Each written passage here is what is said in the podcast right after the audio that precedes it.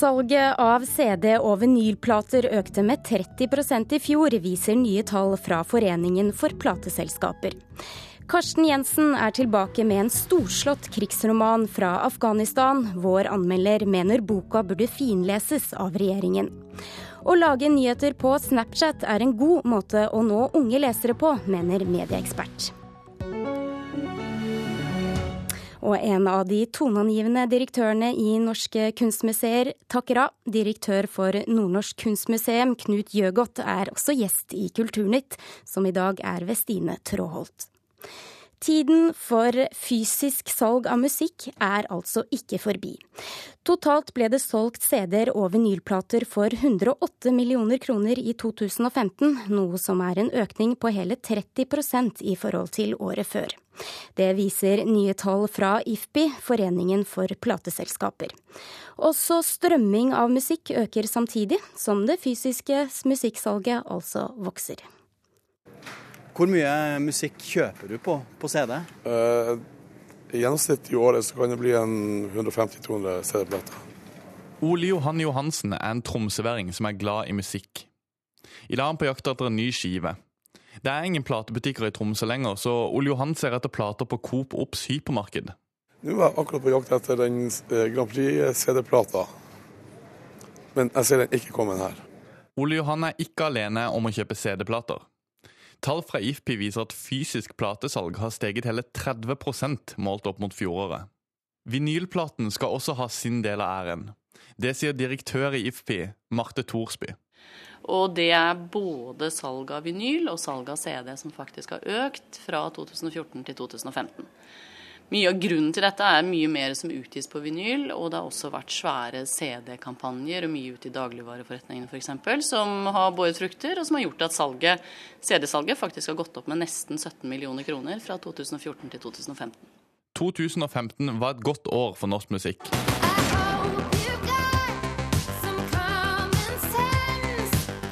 Mens Susanne Sundfør viste at hun er i verdenstoppen når det kommer til popmusikk, satte Kygo fra Bergen Norge på verdenskartet.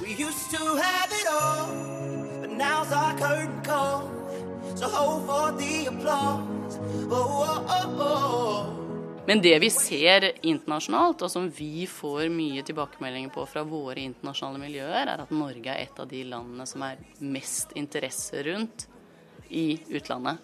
Vi har svære artister som Kygo, naturligvis, men vi har også en underskog som nå begynner å vokse seg større og større. Det er mange norske artister. Det viser stor interesse for utlandet, og det er veldig gøy.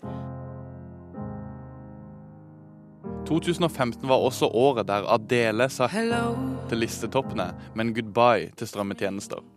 Sammen med bl.a. Taylor Swift bestemte Adele seg for at hun ikke ville gi ut sitt nye album på strømmetjenester. Nei, altså Streaming fortsetter å vokse. Det, totalt så har streaming gått opp med nesten 10% fra 2014 til 2015. Så den store betydningen i den store sammenhengen har, tror jeg ikke det har. Men det er klart at Adele ikke er på streaming, har gjort at det er solgt mye CD-er i siste del av 2015, hvor hun kommer ut med nyalbumet sitt. Ja, Er det merkbart? Det er det jeg lurer på. Sånn, hvis man tar ut Adele av det regnestykket du sitter med foran deg nå, vil det se ganske likt ut? Eller er det en stor del hun tar med seg da? Nei, det vil åpenbart være store oppganger ganger. Men det er klart noen store artister, særlig Adele, som er en, en eh, CD-artist, det eh, Vi ser det jo på tallene for de aktuelle månedene, men i det store bildet så har ikke det noen stor betydning. Det er mange CD-utgivelser som har medført at eh, CD-tallene eller fysisk-tallene har gått såpass mye opp.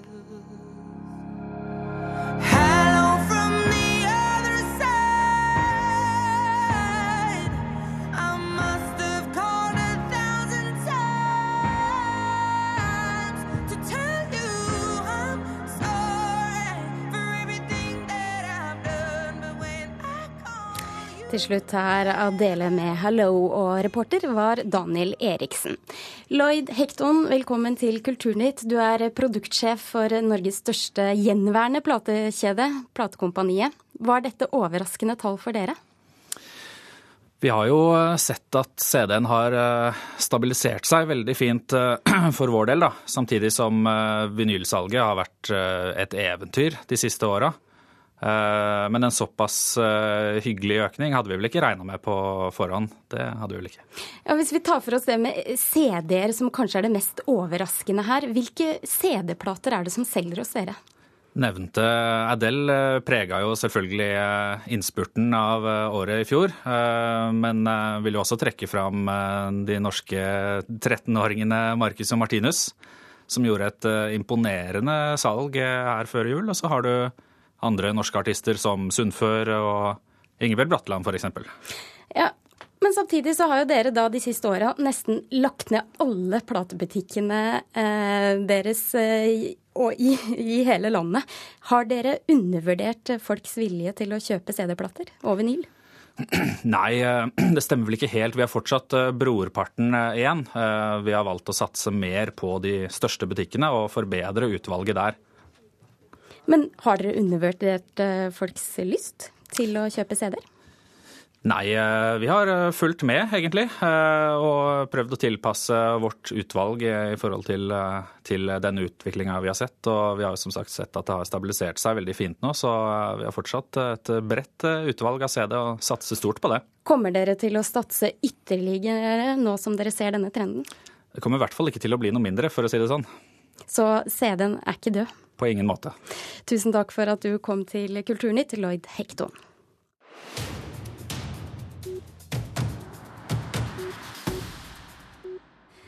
Vi skal ha siste nytt fra dagens aviser, og i dag så er seertallene for det store Oscar-showet klart. Bare 34,3 millioner amerikanere så showet. Og jeg sier bare, for det var det laveste tallet på åtte år, det. Og hva er grunnen til det, reporter Eirin Venås Sivertsen?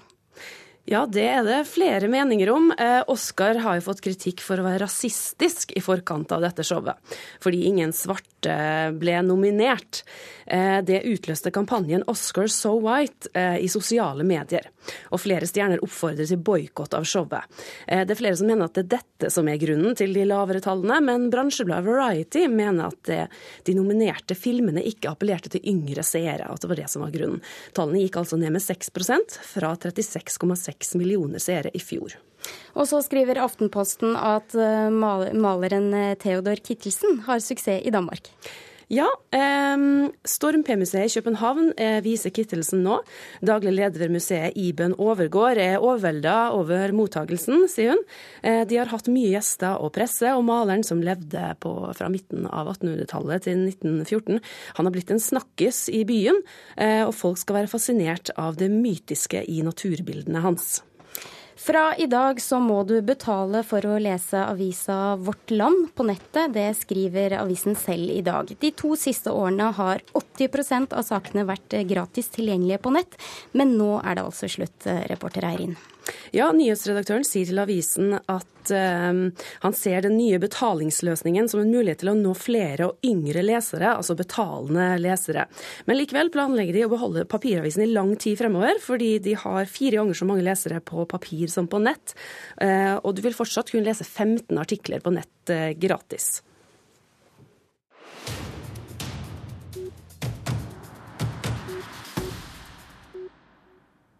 Å servere nyheter på Snapchat er en godt brukt publiseringsplattform for flere av landets største medier. NRK, VG og TV 2 publiserer alle nyheter på det sosiale nettstedet. Flere lokalaviser har de siste årene fulgt etter, og nå sist den lille avisa Vest-Telemark Blad, som kommer ut tre ganger i uken.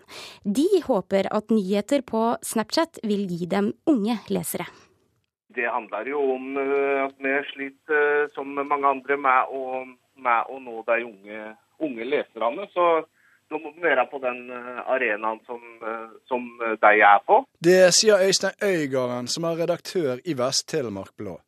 Lokalavisen har problemer med å nå unge lesere, og vil nå prøve ut en ti sekunder Snapchat-melding. Det er spennende, og det får meg til å føle meg litt Eh, litt, tryggere, for da har vi ikke så veldig mange å sammenligne oss med. Så nå er vi litt, uh, vi er litt frie da, og kan prøve oss fram, og det er veldig spennende. Det sier Line Omland Eilevskjønn. Hun er bare 22 år gammel og skal utvikle Snapchat-tjenesten for Vest-Telemark Blå. Det, det, er viktig å tørre å prøve for å komme seg framover. Men nyheten varer bare i ti sekunder? Ja.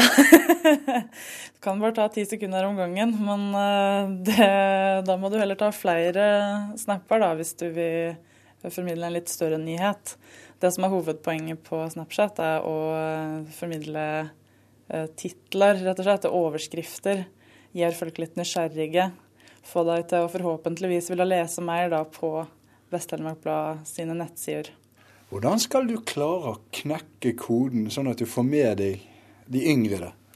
Godt spørsmål. Jeg må bruke litt av min egen kompetanse som ung Snapchat-bruker sjav. Tenke gjennom hva jeg ville sett eh, og lest og hørt. Eh, og så tror jeg vi må rett og slett bare finne en god blanding av seriøse nyheter og litt humor og velkjente folk fra Vest-Telemark. To Anders Angelsen er redaktør i Vesterålen Online. I et knapt halvår har han prøvd ut Snapchat for å prøve å få de unge interessert. Det er vel litt som blanda erfaring, egentlig. Noen ganger så har vi saker som har gått bra, og, og, hvor vi har fått litt engasjement på Snapchat. Og andre ganger så har vi nok bomma litt. Det jeg kan si der, som er jo at uh, det enkleste er å få tips og sånne ting inn via Snapchat. Noe som egner seg veldig godt til å få respons raskt. Men har du fått flere lesere på, lokal, eh, på dine nettsider pga. Eh, den aktive bruken av Snapchat? Det, det, klarer ikke vi å måle med de systemene som vi har nå. Eh, men jeg antar at vi i alle fall har en del flere unge lesere. Dette blir en utfordring, det gjør det helt klart. Men vi tar den på strak arm, og dette her skal vi få til. Reporter Kurt Inge Dale. Ansvarlig redaktør for medier24.com, Gard eh, Michaelsen. Er dette oppskriften for å nå unge lesere? Eh, ja, det er som alt annet i mediebransjen, så er det ikke det som kan redde, eh, redde bransjen eller avisene. Men det er iallfall oppskriften på å kunne nå de, og, kunne få et engasjement fra de, og kunne nå ut til de og ha en dialog med unge lesere. For det er klart at det største problemet med unge lesere i dag at man, ikke at man ikke tjener penger på dem, men at man ikke har det forhold til det i det store og hele. Uh, og de er på Snapchat som de er på Facebook fortsatt og på Instagram. Men på Snapchat så kommer du veldig tett på dem. Hva skal til da for å lykkes? Ja, det, er et godt spørsmål. Men, eh, men, det som i hvert fall skal til, som alle andre kanaler og alle plattformer, så må du må tilpasse innholdet du skal ha ut til den, den kanalen, den plattformen. Du kan ikke bare ta bilder av en papiravis og tro at det holder, for da, måte, da prøver du gamle dagers, måte, gamle plattform på en ny kanal, og det lykkes nok ikke, tror jeg. Så du må litt som vi sagt i stad i innslaget, du må være litt morsom. Eh, du må lage grafikk og bilder og titler som eh, er laga spesielt for Snapchat. Eh, og så er det ganske kronglete, for at Snapchat er et merkelig, no, altså merkelig nok så er det et ganske kronglete system å bruke. Du har ikke noen måte å distribuere eller lage innhold til. Du må liksom lage det og så ta bilde av det. Eh, så det er litt tungvint, men du må gjøre det ordentlig for at det skal fungere, tror jeg. Ja, Når man bruker denne mobilappen, så spiller man av da små, korte videosnutter på bare ti sekunder. Så, har du noen eksempler på en vellykket uh, nyhetssak i dette formatet? Eh, ikke på stående fot her nå, men klart at det, det som fungerer, er å ta, måtte bruke bilder fra fra annen nyhet og gjerne legge på en litt morsom tittel. Altså, du må jo være ganske kortfatta. Uh, og det de beste gjør, det, jeg føler, er ofte NRK P3 ganske god på Snapchat. Uh, også noen lokalaviser, Aftenbladet, Trønderaviser er ganske gode på Snapchat. Og det de gjør, er at de bruker bilder eller film fra nyhetsstrømmen, og så legger de på en kort tittel, som gjerne er litt sprekkere format enn de ville skrevet på nettavisen sin. Uh, og så har de en kort tekst og gjerne litt smiley, og når det er ganske gøy, så begynner de å tegne også og gjøre litt sånn morsomme ting som gjør det litt utradisjonelt.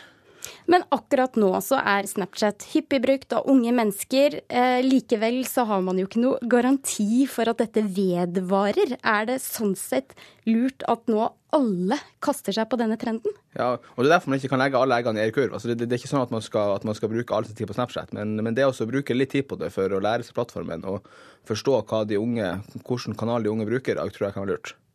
Så det er lurt eh, det lokalavisene også nå gjør? Ja. Bruker sine få ressurser på et sånt prosjekt? Ja, så det, det å være på Snapchat trenger ikke å ta et helt årsverk eller en hel person. Eh, du, du må bruke kanskje en halvtime eller time hver dag, for, for du må gjøre litt mer enn ingenting. Altså, du må bruke mer enn fem minutter, men ikke et helt årsverk. Det er ikke nødvendig.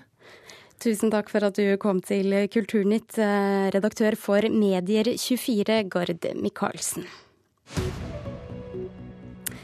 Du hører nå på Kulturnytt, og klokka er 18 minutter på halv eh, ni. Og dette er hovedsakene denne morgenen. Strømmen av flyktninger vil føre til et Europa i oppløsning, frykter toppbyråkrater i Utenriksdepartementet i et internt notat som VG har fått tilgang til. Avfallsselskap vil kjøpe opp boligene til motstandere av avfallsdeponi i Brevik. Det vil de gjøre for å få gjennom planene om et deponi i gamle gruveganger under byen. Flere av yrkesfagene i videregående skole bør legges ned, mener ekspertutvalg. Grunnen er at næringslivet ikke etterspør dem. En av de toneangivende direktørene i norske kunstmuseer hadde sin siste arbeidsdag i går. I løpet av sin karriere som direktør for Nordnorsk kunstmuseum har Knut Gjøgodt latt verden se Peder Balke i London, invitert eh, verden til å se kunst på Svalbard, og gått nye veier for å skaffe ekstern finansiering. Velkommen til eh, Kulturnytt, Knut Gjøgodt. Tusen takk. Når du ser tilbake på dine åtte år som direktør, hva er du mest stolt av? Det er jo veldig mange ting som har vært veldig spennende å få lov å være med på i disse åtte årene. Men du nevnte nettopp to ting. Det var den store Peder Balke-utstillingen i London i 2014 og 2015, som ble sett av nesten 240 000 mennesker. Som var et resultat av en internasjonal strategi fra museets side. Og så var det selvfølgelig at vi klarte å åpne en satellitt av museet på Svalbard, Kunsthall Svalbard. Ja, For å ta dette med Peder Balke først. Eh, fordi dere klarte da å gi ham et navn utenfor landets grenser med utstillingen da på National Gallery i London som ble sett av over 230 000 mennesker. Hvordan fikk dere til det? Det er det veldig mange som spør om. Og her gjelder det å arbeide langsiktig, ha en eh, strategi. Og så må man først og fremst ha et godt prosjekt. Altså man må vite rent faglig hva man holder på med i bunnen. Eh, vi hadde planlagt en balkutstilling. Så gjelder det i tillegg at man har et internasjonalt nettverk. Eh, vi og jeg kjenner jo da en del i det engelske kunstmiljøet. Og jeg henvendte meg da på et tidspunkt til en kollega på National Gallery som jeg visste var interessert i Balk, og sa at vi har dette prosjektet, vil dere være med på dette? Og for oss var det jo viktig å vise at norsk kunst har veldig mye å by på, og vi bør våge å vise mye mer av det på den internasjonale arenaen. Hvorfor ville dere vise fram Peder Balke? Ja, til nå så har det jo stort sett vært Edvard Munch som har vært kjent i utlandet, og det er jo fantastisk. Men vi ønsket å vise at norsk kunst har mer å by på. Vi, kan, eh, vi har mange flotte kunstnere fra Norge, både historisk og samtidig, og jeg syns vi skulle gjøre mye mer for å få dem ut. Og i tilfelle Peder Balke så er det jo ingen tvil om at han er en av de virkelig store og interessante norske kunstnerne fra 1800-tallet. Synes du sånn generelt sett at norske museer ikke er flinke nok til å vise fram noe annet enn Munch? Jeg vil ikke si at vi ikke er flinke nok, men jeg synes vi nå skal benytte oss av den anledningen som er ute i verden. Det er en stor interesse for norsk kunst i kjølvannet av både forskjellige Munch-utstillinger, av Balke-utstillingen. Akkurat i disse dager har, eh, er det en stor Astrup-utstilling i Dulwich i London i regi av Sparebankstiftelsen DNB. Nå er det et momentum for å løfte norsk kunst opp på den internasjonale arenaen, og den bør hele kunstlivet og museumsverden være med å gripe. Og i fjor så åpnet dere en filial eh, av Nordnorsk kunstmuseum på Svalbard med en egen kunsthall der. Hvorfor var det en god idé? Det var en god idé fordi Svalbard er et uh, meget internasjonalt område. Det kommer 100 000 tilreisende i året bare til Longyearbyen. Og vi merker også en stor interesse fra kunstnere og kuratorer ute i verden for uh, Svalbard og for hele det arktiske, ikke minst pga. den geopolitiske situasjonen. Og det viste seg jo å være en riktig satsing. Uh, nærmere Jeg tror det var over 46 000 mennesker som så utstillingen av Joan Jonas i Kunsthall Svalbard i løpet av 2015. Er dette et satsingsområde som skal fortsette? Det håper og tror jeg, ut fra de signalene jeg har fått fra min etterfølger i direktørstolen og det nye styret, så er absolutt Arktis og Kunsthall Svalbard et satsingsområde. Og allerede i sommer så vil Nordnorsk Kunstmuseum i samarbeid med OKA arrangere en stor internasjonal konferanse nettopp på Svalbard. Men det å drive kunstmuseum i eh, Norge i dag er vel ikke bare enkelt? Nei, det er selvfølgelig mange utfordringer i kunstlivet og i Hva har vært de største for deg? Unnskyld? Hva har vært de største for deg? Største utfordringene? ja, det vi har snakket om allerede, har jo vært iallfall blant de største målene som jeg og mine kolleger og styret i Nordnorsk Kunstmuseum har hatt. Det har vært for det første å få en internasjonal strategi, og så har det vært å se på mulighetene for å få satellitter av institusjonen rundt i den nordlige regionen, hvorav Svalbard forhåpentlig bare er den første. Uh, og så er det selvfølgelig å nå ut, som alltid, til nye publikumsgrupper. Det er å få gjennomslag både i presse osv. Og, og, og det er alltid et spørsmål om å finne finansieringen. Ja, for det er vel også et punkt. Og her har dere gått eh, nye veier, for dere inngikk en samarbeidsavtale med Sparebank1 Nord-Norge. Har det vært noe av nøkkelen til eh, suksess, tror du? Eh, samarbeidet med Sparebanken Nord-Norge og andre støttespillere har vært viktig for oss å få til det vi, de, vi gjør.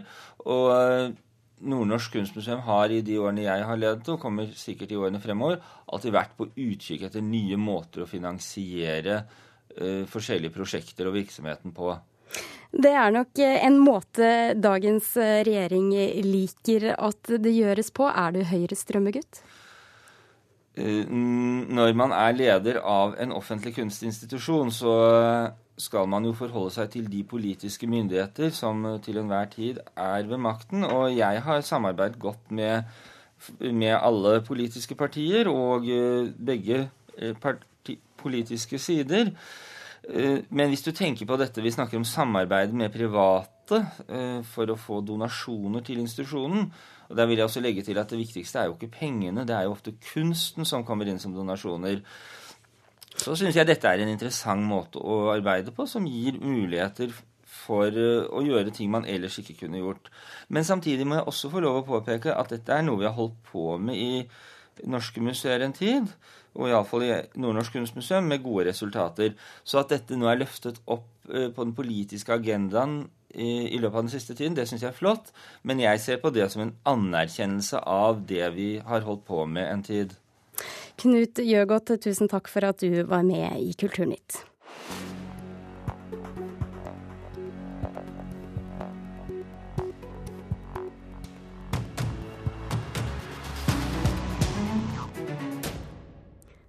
Karsten Jensen er ute med en ny bok. Denne gangen har den kjente danske forfatteren og journalisten tatt leserne med til Afghanistan. Men det er ikke en sakprosabok, men en fullblods krigsroman. Marta Norheim, litteraturkritiker i NRK, hva handler Den første sten om? Ja, det er ikke svart på i en håndvending, men vi er altså i Afghanistan. Vi følger en eh, tropp eh, danske frivillige soldater der på oppdrag. I begynnelsen eh, nokså kontrollerte oppdrag der de er ute og de får dekning av luftstyrker hvis de trenger det. Så sporer det hele av.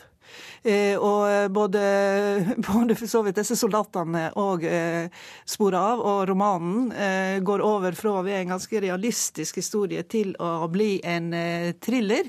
Så dette her er både en roman med stor innsikt i eh, afghanistanske forhold og eh, en spenningsroman.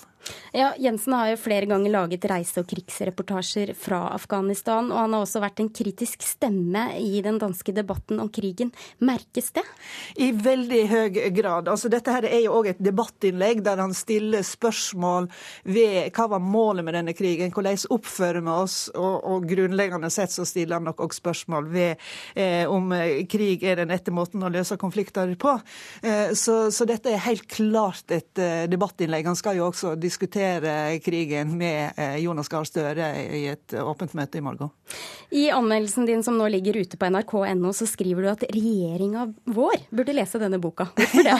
ja, både vår og den danske, og, og, alle andre som var involvert i krigen. For det, altså det opplegget med å få slutt på internasjonal terrorisme gjennom å bombe Afghanistan framstår vel nå i ettertid kanskje ikke som en ekstremt god strategi. Eh, og jeg syns at eh, denne boka forklarer mye av hva det er som eh, gjør at dette absolutt ikke kunne gå an å få til. Han viser det ekstremt kompliserte spelet på bakken, og hvordan lokalbefolkningen virkelig lir under såkalt vennligsinna droneangrep. Det, det, er liksom Det er ufattelig mange ting som, som måtte gå galt. Eh, og eh, han eh, viser det, og det er jo hans styrke at han har en grunnleggende stor kunnskap om dette. Men det er sikkert mye å diskutere her, og det vil vel bli gjort nå framover. Ja, det er en stor og tung roman på over 600 sider. Er det nok driv på, til å holde på leseren gjennom alle disse sidene? Absolutt. absolutt. Det er en av de få romanene på 600 sider der jeg har tenkt denne kunne godt vært lenger. Fullkommen? Nei, på ingen måte fullkommen. Altså, eh, store romaner er sjelden fullkomne. Eh, altså, det, det, det, er en del pirk jeg kunne kommet med. Jeg tror at Dagsnytt kommer før jeg når å si noe om det. Men, eh, men eh, det er en veldig viktig roman. Altså, eh, og da er det mer interessant å egentlig legge vekt på det viktige. Dette er en veldig viktig roman. Den første stenen av Karsten Jensen tar krigen på en måte som jeg ikke har lest andre bøker som har gjort når det gjelder denne krigen her. Tusen takk for at du kom til oss, litteraturkritiker Marta Norheim. Denne boka blir også film, sannsynligvis, for det danske filmselskapet Good Company Films har kjøpt rettighetene til boka. Det skriver forfatteren på sine hjemmesider, og det er planer om en stor internasjonal eh, produksjon. Ansvarlig for sendingen i dag var Birger Kåsu Jåsund. Mitt navn er Stine Tråholt.